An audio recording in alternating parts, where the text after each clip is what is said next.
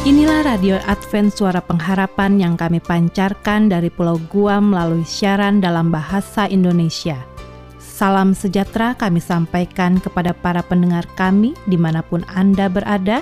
Selamat berjumpa kembali dengan kami, Radio Advent Suara Pengharapan. Dengan senang hati kami akan menemani Anda melalui rangkaian acara yang telah kami persiapkan khusus bagi Anda sekeluarga. Harapan kami, semoga siaran ini dapat bermanfaat dan menjadi berkat bagi Anda semuanya. Selamat mengikuti dan selamat mendengarkan. Tuhan memberkati.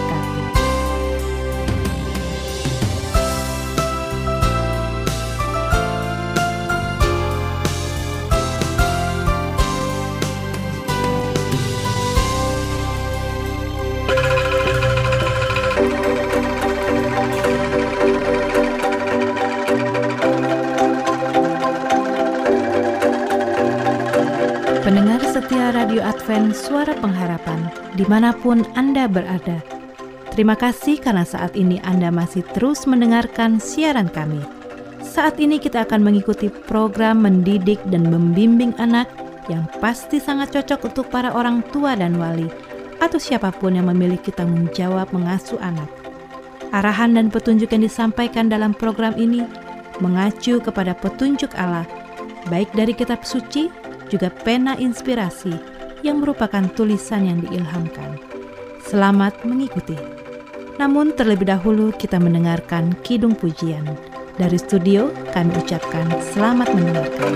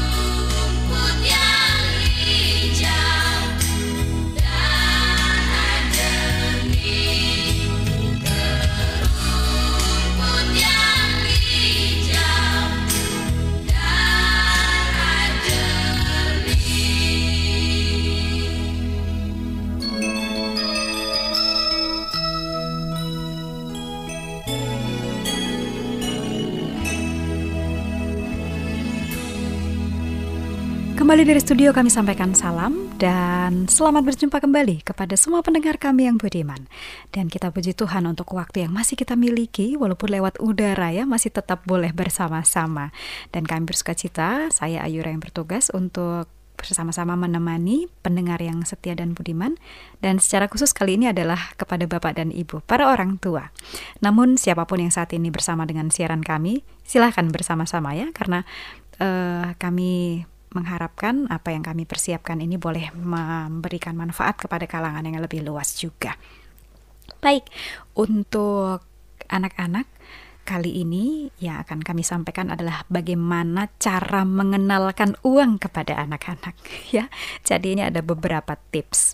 Tetapi peraturan dasarnya atau hal yang paling mendasar kalau ingin mengenalkan uang kepada anak-anak, harus ada kerjasama antara ibu dan anak yang merupakan kerjasama antara ibu dan anak ini merupakan pelajaran penting yang harus dilakukan dalam aktivitas sehari-hari. Jadi ketika anak meninggalkan masa balitanya, jadi setelah dia lewat dari lima tahun ya, sudah boleh tuh diajak ke bank atau ATM. Jadi Kesempatan itu juga digunakan untuk berdiskusi tentang apa saja kegunaan uang serta bagaimana cara menggunakannya dengan baik. Pelajaran tersebut akan tertanam hingga nanti mereka akan beranjak dewasa. Ya, jadi mulai orang tua mengajari anak menghargai uang dengan bijaksana. Karena hal ini akan membantu anak-anak menjadi orang yang bertanggung jawab dan mandiri di kemudian hari memang bukan tidak mungkin kita menemukan kesulitan ya untuk cara-cara yang tepat mengajarkan kepada anak-anak ini. Tapi kalau memang ada kesulitan yang dialami, ada beberapa tips nih yang akan kami sampaikan kepada para pendengar semuanya. Jadi boleh disimak dengan lebih seksama ya. Tips yang pertama adalah memberikan penjelasan. Jadi penjelasan ini memang yang mendasari segala sesuatu yang kita akan ajarkan kepada anak-anak. Berkaitan dengan mengenalkan uang, jelaskan cara kerja uang pada si kecil untuk meluruskan anggapannya yang salah. Misalnya, eh, si kecil kita ini sudah punya anggapan kalau uang itu gampang dan segala sesuatu bisa dibeli saat itu juga. Nah, itu kan anggapan yang salah. Jadi kita harus jelaskan kembali cara kerja uang, lalu luruskan anggapan-anggapannya yang salah. Nah, tips yang kedua, Bapak dan Ibu boleh gunakan cara simulasi. Jadi tidak ada salahnya ya kita bikin atau bermain bersama anak, lalu topik permainannya adalah e, pasar atau toko atau supermarket e, ya pura-pura ya, jadi seperti berjual beli secara pura-pura. Nah, di dalam permainan itu, anak akan belajar membeli barang dengan jumlah uang yang tepat. Jadi kita akan sediakan e, mungkin uangnya juga uang yang boleh uang yang betulan ya, uang yang sebenarnya, tetapi itu adalah dari uang kita sendiri, tidak untuk dibelanjakan seperti kalau di supermarket yang lain. Jadi bikin simulasi ya untuk melatih anak ini. Nah, tips yang berikut adalah melatih mengelola uang. Caranya adalah menerapkan peraturan mengenai barang-barang yang tidak boleh dibeli dan sudah pasti tidak boleh dibeli. Contohnya, permen ya karena itu akan merusak kesehatan si anak khususnya untuk gigi dan eh, hal-hal lain yang berkaitan dengan itu. Lalu mainan yang tidak aman ya yang bisa membahayakan anak-anak itu nggak boleh dibeli. Nah selain hal yang kita terapkan dengan barang-barang yang tidak boleh dibeli. Kalau misalnya si anak sudah sepakat ya, kita sudah sepakat oh ya anak ini boleh membeli sesuatu dan memang kita akan pergi keluar untuk belanja sama anak membeli barang favoritnya, Anda boleh ya disesuaikan dengan kondisi dan tempat, Anda boleh percayakan anak itu bawa sendiri uangnya ya. Jadi dia bisa beli sendiri juga. Kita mungkin hanya mendampinginya saja, tetapi dia yang melakukan uh, memilih barangnya, membawanya ke kasir, melakukan transaksi dan itu yang uh, kita dampingi demikian. Ya itu cara melatih dan mengelola uang. Nah, baik. Tips yang terakhir. Ini dianjurkan oleh para ahli, orang tua menghindari kata tidak punya uang jadi mengapa ya? Karena ibu-ibu ini banyak sekali spontan. Ibu nggak punya uang, minta sama ayah atau minta sama papa. Sampai di papa nggak punya uang. Jadi ruangnya ini perlu dihindari karena akan fatal bagi anak jika dia mendengar orang tuanya menyatakan tidak punya uang lalu dia melihat orang tuanya membeli barang baru. Jangan sampai si anak jadi menyindir orang tua dengan katanya nggak punya uang, tapi ternyata beli barang yang baru ya. Jadi um, penjelasan dan pengertian yang lebih bijak itu diperlukan untuk disampaikan kepada anak-anak daripada mengambil kata yang mudah nggak punya uang. Membuat komitmen bersama tidak ada salahnya ya jika sesekali orang tua menjanjikan akan memenuhi permintaan anak kalau ada sisa uang dari yang saat ini kita bawa. Katakan saja bahwa jika ada sisa, baru kita akan beli buku cerita ini ya yang kamu sukai. Tetapi harus yang sesuai dengan harga dan jumlah dari sisa uang yang ada hari ini. Nah, itu boleh disepakati sebelumnya. Karena inilah akan lebih menolong uh, bukan saja menanamkan konsep kepada anak tetapi juga menolongnya dalam perkembangan mental, kejujuran dan juga bagaimana berkomunikasi uh, dengan orang tuanya tentang uang ini ya. Karena uang itu kan kita semua sudah tahu salah satu hal sensitif dalam kehidupan. Uang bisa memisahkan banyak pihak yang dekat sekalipun ya kalau tidak bijak untuk diatasi. Karena seharusnya sebagai manusia kita yang mengatasi uang bukan kita yang diatasi atau dikendalikan oleh uang. Demikian juga dengan anak-anak. Anak-anak itu dikendalikan atau diatur oleh orang dewasa, bukan mereka yang mengatur orang dewasa, bukan mereka yang dikendalikan oleh uang. Nah, demikianlah Bapak dan Ibu. Terima kasih untuk perhatian Anda dan kami sangat berharap informasi tadi boleh menolong kita masing-masing untuk membimbing anak-anak kita yang sudah Tuhan titipkan pada keluarga masing-masing untuk dididik selaras dengan jalan dan kehendak Tuhan. Sekali lagi terima kasih dan kami sampaikan salam dari studio. Sampai berjumpa kembali pada pertemuan berikut. Tuhan memberkati kita semua.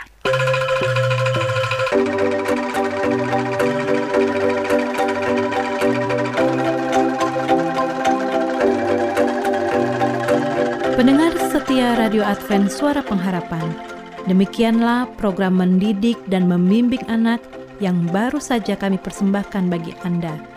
Kiranya ini dapat menjadi penuntun praktis dan bermanfaat bagi tugas mulia yang sudah Allah mandatkan kepada kita. Sampai berjumpa pada kesempatan berikutnya dan selamat mengikuti acara selanjutnya. Shalom bagi semua sahabat pendengar.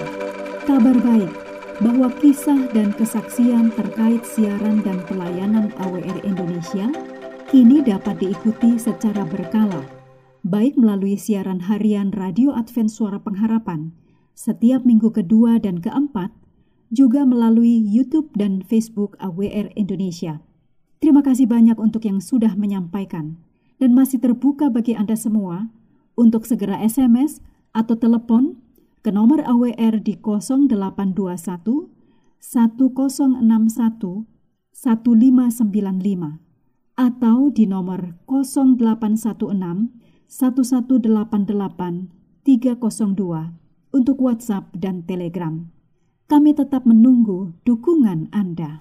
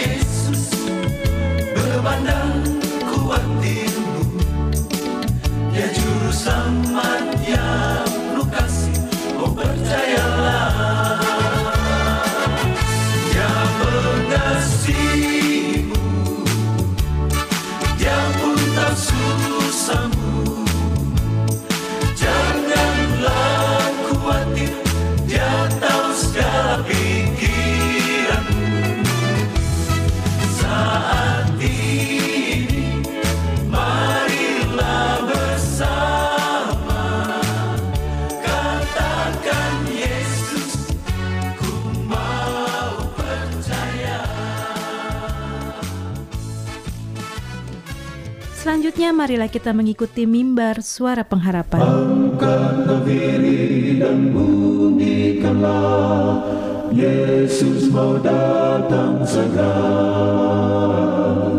Nyanyi musafir dan pujikanlah Yesus mau datang segera Inilah mimbar suara pengharapan dengan tema Biarkan anak Anda dapat menyampaikan perasaannya, bukan pendapatnya. Selamat mendengarkan. Bangsa marah itu tandanya Yesus mau datang segera Pengetahuan bertambah-tambah Yesus mau datang segera Datang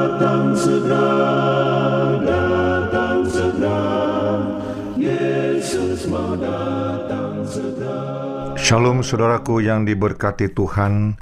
Kita bersyukur karena diberikan kesempatan untuk mendengarkan firman Tuhan dalam acara Mimbar Suara Pengharapan bersama saya Pendeta Togar Simanjuntak dengan judul bahasan kita Biarkan anak Anda dapat menyampaikan perasaannya bukan pendapatnya.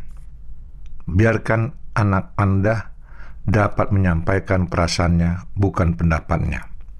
Sering kita berbicara kepada anak-anak kita, menurut kamu bagaimana? Seharusnya lebih baik kita katakan bagaimana yang kamu rasakan yang untuk mau kau sampaikan. Kenapa? Kalau dengan kita katakan ras perasaannya itu lebih peka dan lebih tepat pada sasaran dan lebih mengarah kepada tujuannya. Tapi kalau pendapat bisa aja itu bias dari hal-hal lain, dari lingkungan, dari apa yang dilihatnya. Nah, saudaraku, ini harus kita perhatikan. Perasaan berbicara menehati sementara pikiran dan pendapat berputar-putar di dalam kepala. Jadi kalau perasaan itu ada hati yang tulus, jelas di arahnya. Tapi kalau perasaan itu hanya berputar-putar di sekitar kepala kita. Perasaan merupakan respon emosi kita, reaksi mendalam terhadap orang-orang dan situasi. Perasaan bisa saja muncul dari temperamen dan kondisi. Kita dapat mengubah respon perasaan kita, namun terlebih dahulu kita harus berhubungan dengan perasaan itu sendiri. Anak-anak merasakan terlebih dahulu. Terlalu sering kita mengajar mereka untuk menutupi atau menyembunyikan perasaan mereka yang sebenarnya pada awal kehidupan mereka. Kemudian, ketika mereka sudah remaja, kita bertanya-tanya dalam hati, mengapa mereka tidak mau mengutarakan perasaan mereka pada kita? Mengapa? Coba lihat anak kalau sudah remaja dewasa, sangat jarang mereka tuh sesuatu menyampaikan perasaan bagi kita paling mereka sekedar pendapatnya ataupun sesuatu yang mereka rasa perlu sekedarnya aja formalitas. Nah, sering kita berkata kepada anak, jangan menangis, berhentilah menghakimi atau mengkritik perasaan awal yang dimiliki anak. Jadi kalau anak, -anak menangis, jangan sekata, eh berhenti menangis, jangan, jangan, jangan berhenti. Nah, langsung kita bentak, kita bilang, jangan menangis, nggak malu laki-laki menangis atau bagaimana kita ucapkan itu seolah-olah jadi suatu bahaya kalau menangis, memalukan. Jadi itu membuat dia tuh merasa jadi tersudut. Jadi membuat dia seolah-olah menangis itu salah. Padahal sebenarnya ada perasaannya dia yang terluka, ada perasaan sesuatu yang memang tidak enak di hatinya. Jadi ajarkan anak Anda itu mengekspresikan perasaannya dan merasa memiliki dan bertanggung jawab atas perasaan itu. Lalu tolonglah anak untuk mengenali perasaannya. Apakah kamu merasa sedih, marah, senang, bergairah, bosan, dan sebagainya. Lalu bila anak-anak itu belajar lebih awal bagaimana mengutarakan perasaan mereka, mereka akan merasa lebih nyaman di kemudian hari dalam masa kanak-kanak mereka untuk mengutarakan perasaan mereka dan bukan apa yang mereka pikirkan. Anak Anda akan belajar bagaimana mengutarakan perasaan mereka dari cara Anda mengutarakan dan menangani perasaan mereka. Nah, saudara, kalau jika Anda baca buku Mazmur pasal 18 ayat 1 sampai 30, Raja Daud situ memberikan suatu perasaan bagaimana hatinya, ya, dia merasakan hubungan dengan Tuhan, dia menyampaikan bagaimana mengikut jalan Tuhan, bagaimana perasaannya mengikut perintah Tuhan, dan perasaannya juga mengikuti ketetapannya, dan merasakan juga bahwa dia mencoba untuk tidak bercela di depan Tuhan, karena dia merasakan juga setiap kejahatan pasti ada akibatnya, ada pembalasannya, perbuatan baik juga akan ada pembalasan yang lebih baik, jadi rasakan, dia utarakan perasaannya saudaraku. Dia tidak berdebat dengan Tuhan. Dia tidak mengatakan pendapat, tapi dia rasakan perasaannya itu. Jadi dia mengatakan perasaannya itu dia rasakan keselamatan itu ada daripada Tuhan dalam hidupnya. Nah, saudara, jadi Anda juga harus merasakan itu bagaimana anak itu juga punya perasaan yang harus Anda coba berikan kesempatan dia menyampaikannya Bapak. Saudara. Kalau tidak, maka anak itu juga akan merasa jauh dengan Anda. Kepada siapa saya menyampaikan pesan saya? Kalau sekedar pendapat berdebat, dia bisa lakukan di sekolah dengan teman-temannya di lingkungan mungkin uh, teman tetangganya atau teman-teman main bolanya. Dia bisa lakukan itu. Tapi kalau perasaan, hmm, artinya saudaraku, dia tidak mungkin sembarang mengutarakan itu. Nah, itu sebab saudaraku, perasaan adalah bagian yang paling penting dari siapakah kita dan bagaimana kita berhubungan dengan orang lain.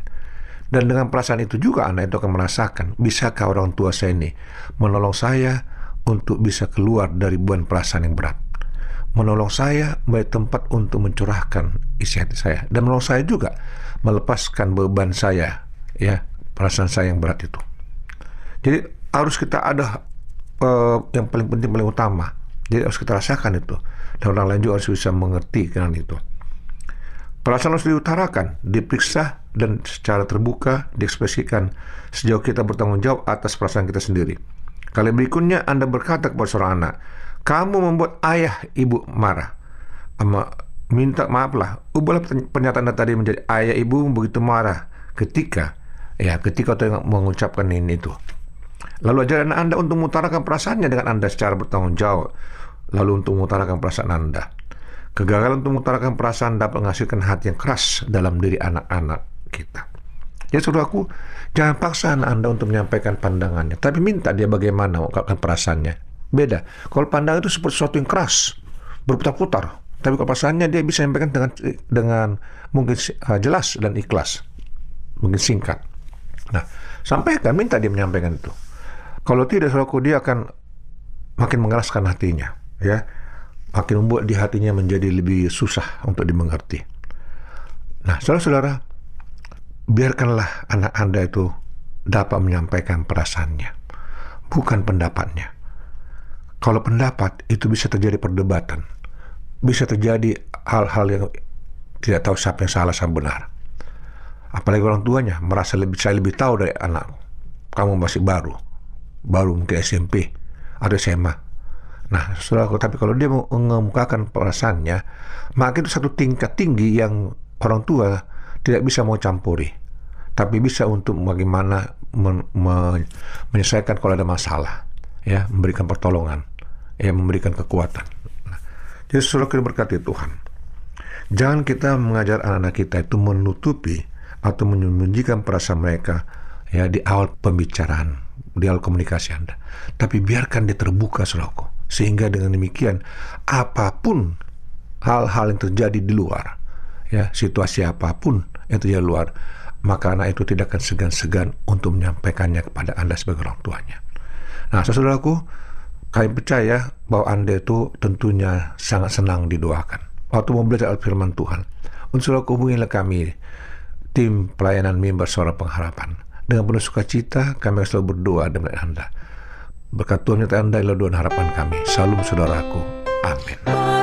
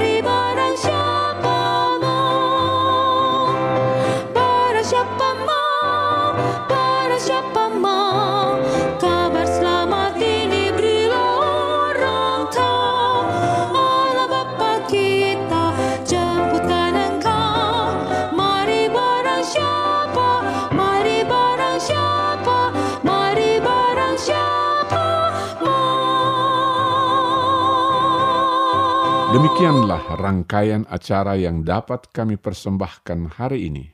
Dan apabila Anda mempunyai pertanyaan atau ingin mendapat pelajaran Alkitab penemuan baru, silahkan menghubungi kami mengirimkan surat ke alamat Radio Advent Suara Pengharapan. PO Box 8090 Jakarta 12810 Indonesia. Telepon 0821 1061 1595. Alamat email awrindonesia at yahoo.co.id. Anda juga dapat bergabung di Facebook kami, pendengar Radio Advent Suara Pengharapan.